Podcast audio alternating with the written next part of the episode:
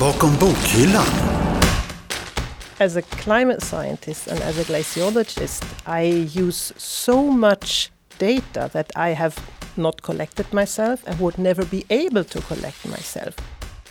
The transparency of open data means that people can understand, well, what happened with this data set? How did you find these results that you're you're claiming? And I think the more transparency we have in science, the more people will trust our results and the more we can sort of improve and, and find those errors as they m- might creep in and fix them. When I go out on my own expeditions and collect my own data, I choose to not claim it as my own. I want to share it too so that someone else can do something good with it. And I think by doing that, we add incredible value to, to these data sets.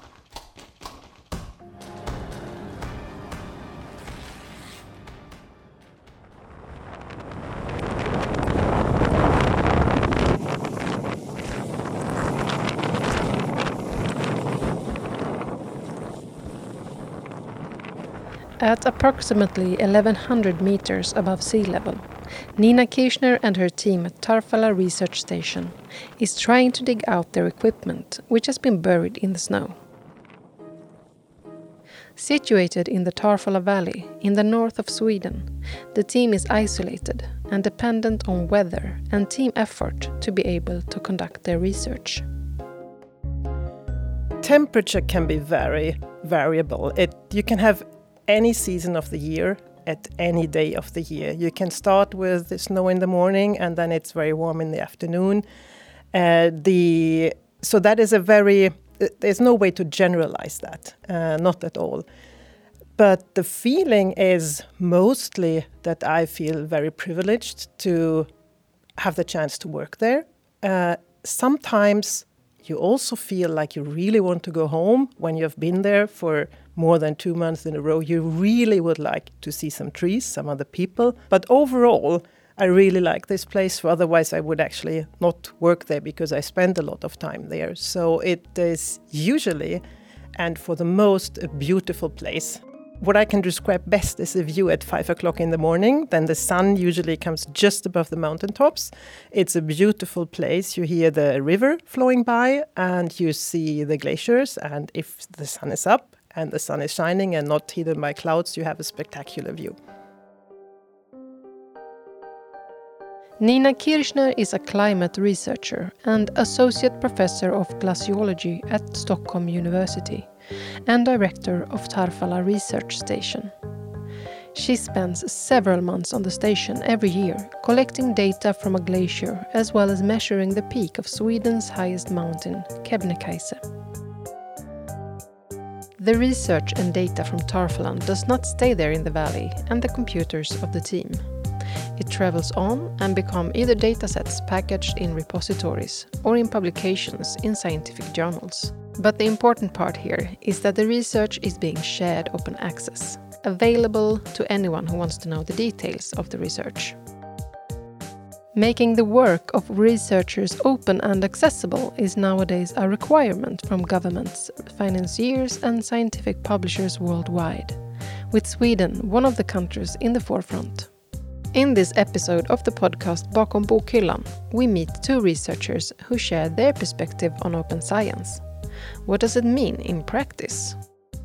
Later on, surrounded by fish tanks, we will meet John Fitzpatrick, an ethologist with interest in sexual selection and the evolution of reproductive behaviors. But first, Nina Kirchner will tell us more about the impact of her research at Tarfala. Tarfala station is located next to uh, a glacier called Storglaciären. It means the large glacier. It's actually not too large if you compare it to other glaciers in the world, but it is very, very well studied. And what is studied on Storglaciären is what we call the glacier's mass balance. And you can think of it uh, like a bank account where you want to see what is the balance of my account, how much is coming in and how much am I spending, and at the end of a year, am I on the plus side or am I on the minus side? And so we just keep track of that. We do bookkeeping, and at the end of the year, we can see okay, the glacier is in the plus, it means it has gained ice and snow. If it's in the minus, it has lost ice, and losing ice means the glacier will shrink and will retreat. And if it gains, it will advance. We don't see so much of advances uh, right now. In the current climate crisis, glaciers are mostly retreating, not only in Sweden but everywhere. But this is something that we observe and we make measurements of it so that we can have a long term record of the behavior. Because whenever you do climate science or studies that are related to climate, you really need long time series in order to capture the overall trend. It's like a it's like a um, it's like a curve if you look at the stock market. There can be small wiggles up and down, but you must not focus on the small ups if we think of glacier mass balance. There can be a year where there's a little positive gained for the glacier, but overall the trend for all of them is really, really downwards, so negative, so losing mass. Since Tarfala is situated at such high altitude, in an alpine as well as an arctic environment, it is a hotspot for climate change, where changes happen faster than in other places. The research conducted at Tarfala bears an important message to the rest of the world. That's why Nina Kirchner is a convinced advocate for open science and sharing these results as quick and openly as possible. Uh, maybe to give some context, uh, I have not always been a climate researcher or a glaciologist. I started out as a mathematician, and that is a science that is basically free of data. So I was not in contact with data uh, in the beginning of my research career. But as as a climate scientist and as a glaciologist, I use so much data that I have not collected myself and would never be able to collect myself that is provided by others that provide this data in the open access form. Uh, so that enables not only my work but the work of many, many, many people. And I think when I go out on my own expeditions and collect my own data, I choose to not claim it as my own. I want to share it too so that someone else can do something good with it in return. So it becomes a give and take. And I think by doing that, we add incredible value to, to these data sets that we collect because then they can be reduced. So, what parts of your work at Tarfala is done uh, openly? All the monitoring of the glaciers is done openly. So, what we do is we do these measurements and then it takes a little while to process them because the, when you go out on the glacier and you collect what we call the raw data, that is something that we write in field notebooks. And then there is a long chain of steps that has to be taken. We will transfer it into our laptops when we come home at the end of the day. And then we have to make synthesis and maybe run some analysis and look for data quality and so forth. So we cannot immediately publish the raw data. But in the end, this is all published open access. And we also report to the World Glacier Monitoring uh, database in Switzerland. So there, there, is, uh, there is a lot of the work that is published open access, but sometimes with a bit of time delay. And this data set is published in the Bolin Center database, you said? Yes, that is correct. And in the Bolin Center database, a publication, a data publication, also gets something that is called a DOI, a digital object identifier. And that is super important because as a researcher, your your currency, so to speak, uh, where you show how good you are, is the number of publications. And a digital object identifier is given to each publication. Uh, the more publications you have in the better journals, you better. But once a data set also gets a digital object identifier, in my view, it becomes just as useful or valuable as a publication. And I think that is something really, really important that we start realizing the value of a data set. Uh, because this is really something that can enable someone else's research who has not been able to go and collect the data him or herself. Uh, but the and also the the collection of the data can take a lot of time. So if it is collected, if someone has put a lot of time and effort into collecting the data set and publishing it, it is a very very valuable uh, publication, if you like.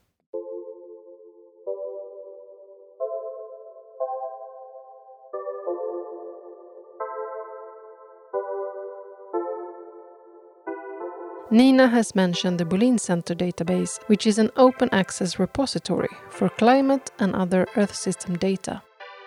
And this is where the research data from Tarfala is published according to the FAIR principles. FAIR is an acronym for findable, accessible, interoperable, and reusable.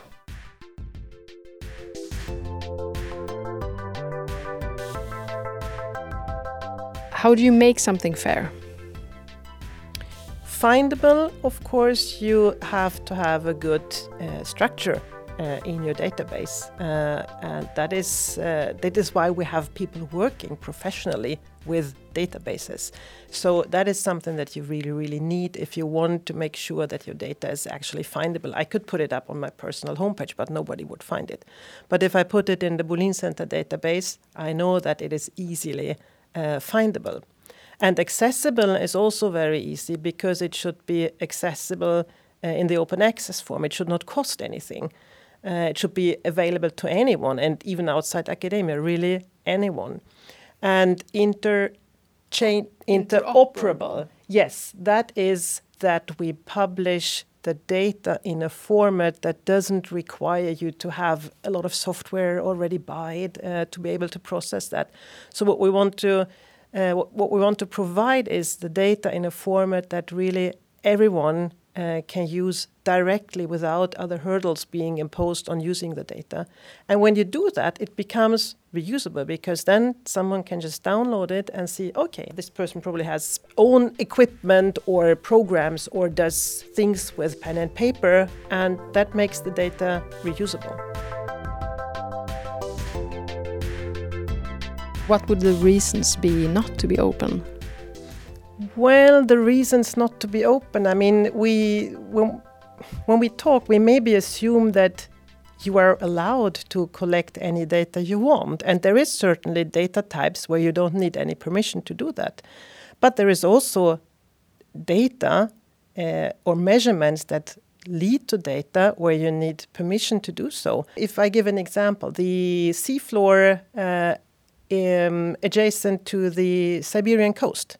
That is, of course, uh, Russian territorial waters, and I cannot just go there and map. It is absolutely impossible. But this region is also one of the regions that is of very high scientific interest for a number of reasons. So if I want to go there and map it, I would need Russian collaborators, and we would need to agree to some we would have to have some agreements how this data is handled. And uh, so I don't think it is research that usually complicates uh, data handling, but it can be other factors. And it is super important that we find ways to handle that in the best possible way because the data that is needed uh, in the science doesn't really care about politics or uh, national claims or anything. So that is really, really important.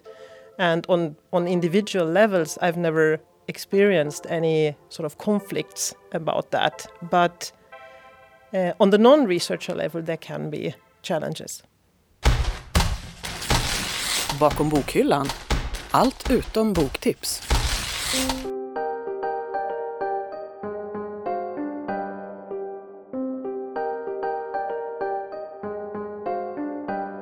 Now we're going to meet John Fitzpatrick, ethologist and associate professor at the Department of Zoology at Stockholm University.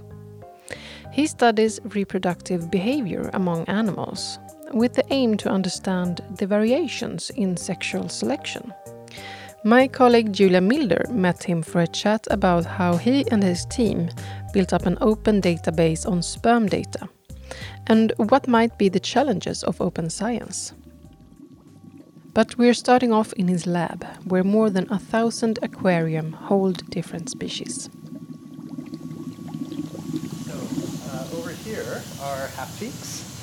Uh, they're at the back part of the tank here, and so they're kind of a strange fish because you actually have to s- crouch down, and they spend all of their time in the first sort of two centimeters of the water here. Um, so if you look here, there's one hiding in the grass there. There's one right there. So they, they don't spend much time going down into the water, and that's because they're specialized to eat food that falls on the surface of the water.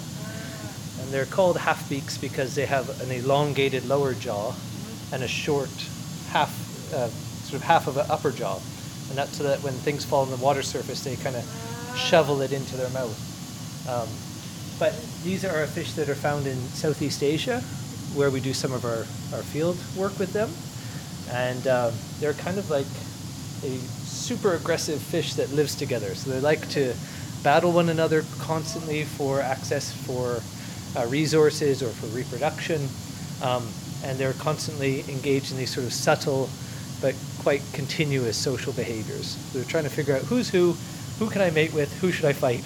So I think the really nice thing about these is that we can keep a lot of fish in the lab and we can do experiments that we couldn't do with a lot of other animals.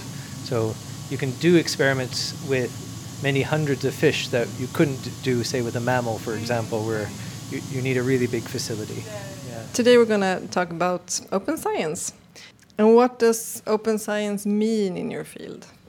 So for us, it's publishing uh, the papers that we publish uh, are open access, so people can access those. And we also put our data into uh, repositories that can be accessed by the public.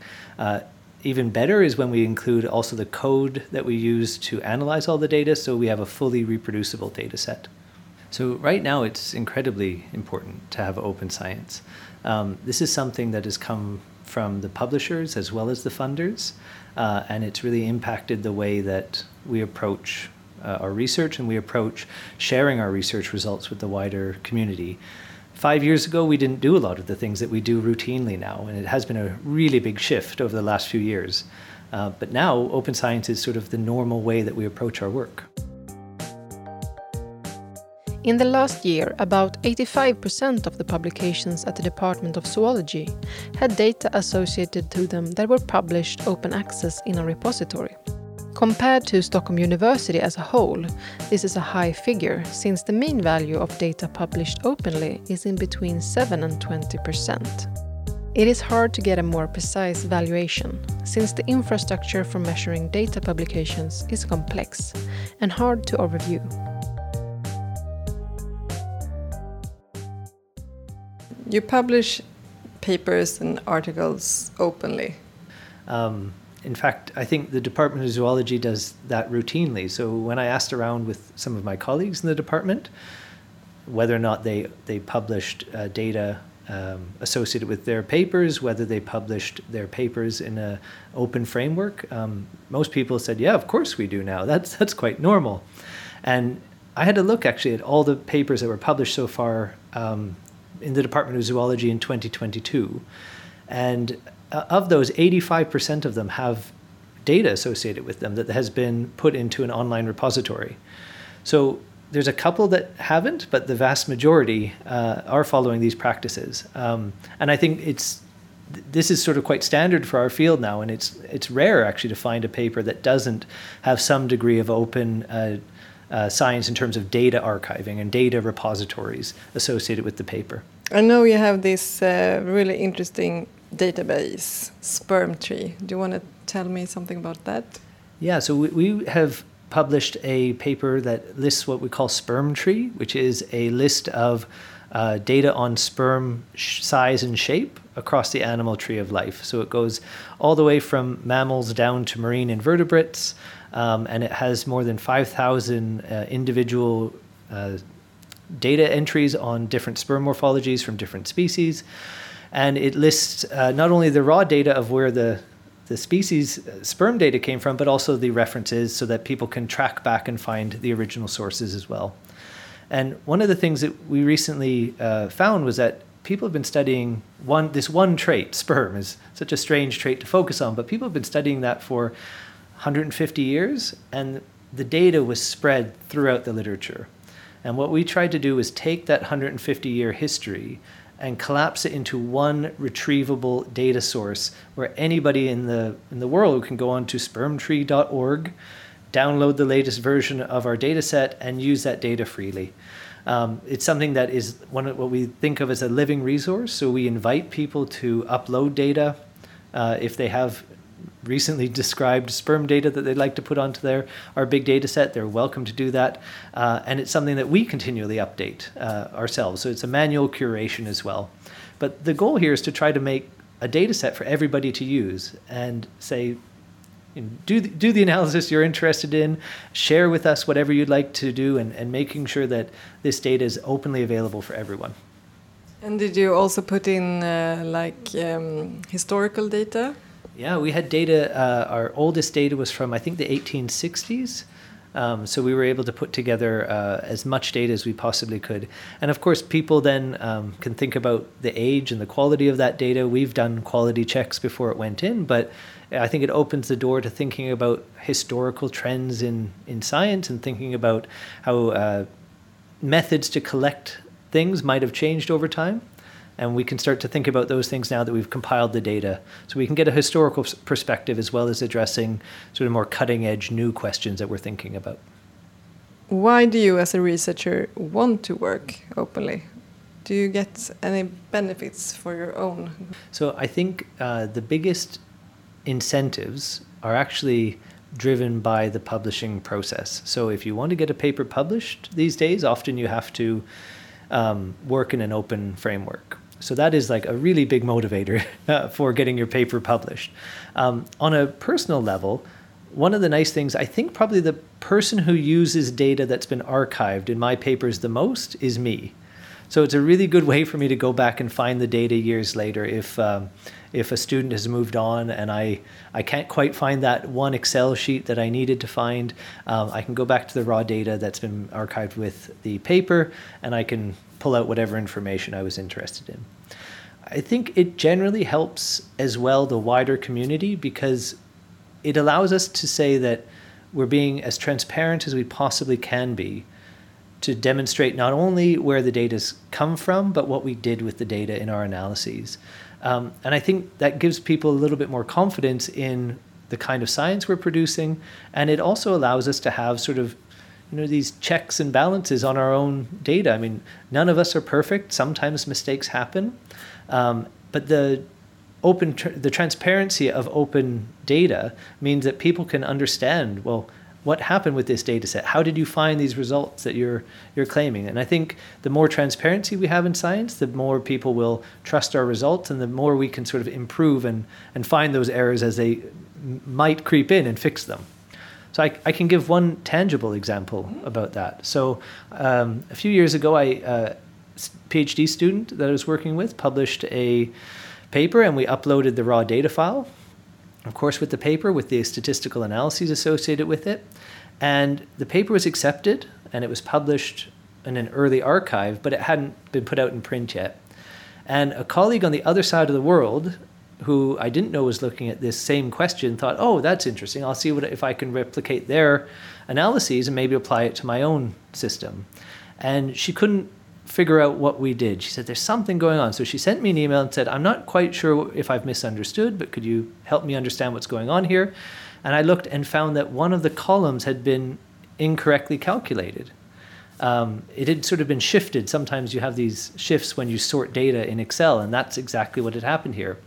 So we quickly contacted the journal and said, This has been identified. We're going to reanalyze the data. Can you hold off on the publication?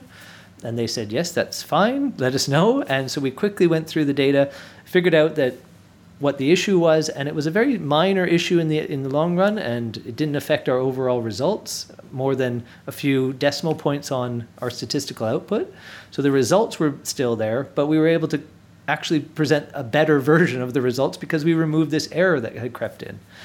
And so just by having uh, openly provided the data, we had a really quick turnaround of somebody outside of our research group catching this and allowing us to correct that before it went into print. So it's one of these examples of the system really working that uh, transparency allows for better science, I think.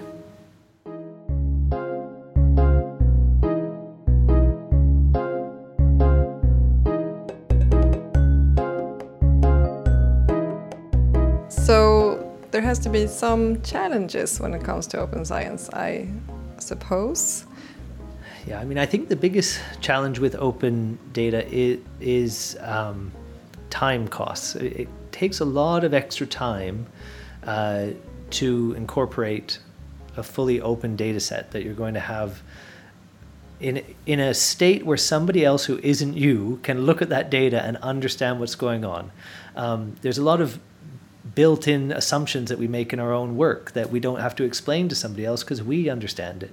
But if you want to make something fully transparent where somebody can replicate what you've done, you need to explain what every column of data means. You need to explain the assumptions that go into your statistical analyses.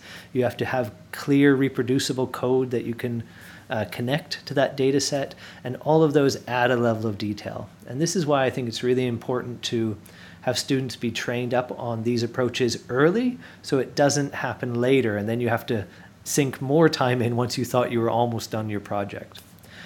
Uh, the other issue I think is that there's um, uh, some concern about, I think people have about uh, being evaluated on this sort of data. So one of the challenges is you have to be quite confident to say I'm going to take my raw data and my analyses and I'm going to share them with the world and hope that nobody will find a flaw in your data's, uh, either in your data set or in your analysis. And that's something that we all have to develop a bit of a thick skin around and be able to deal with that. Um, but often I think that's one of the trepidations that students come at it with, would say, well, my code, my statistical analyses, are you sure you want to share that? And of course, we have to do that. And we have to be willing to put ourselves out there because we're trying to improve the field generally. But I think that's there's certainly a lot of um, challenges about getting people on board with the idea of having a completely transparent system. Well, my last question is about the pedagogical prize that you were awarded, Stockholm University's Teacher of the Year prize. With that in mind, connecting it to open science, um, do you work with open science in a pedagogical way? So at the moment, it's mainly trying to get my own students and my own lab uh, trained up to use approaches that are applicable to open science. Um, I think a, a, a, future step and a useful next step is taking that to uh, educational levels so that our students know long before they ever start collecting data for their own research projects that this is the standard. So going forward, I, I hope that's something we can do more of. But at the moment, it's early days and we haven't got there yet.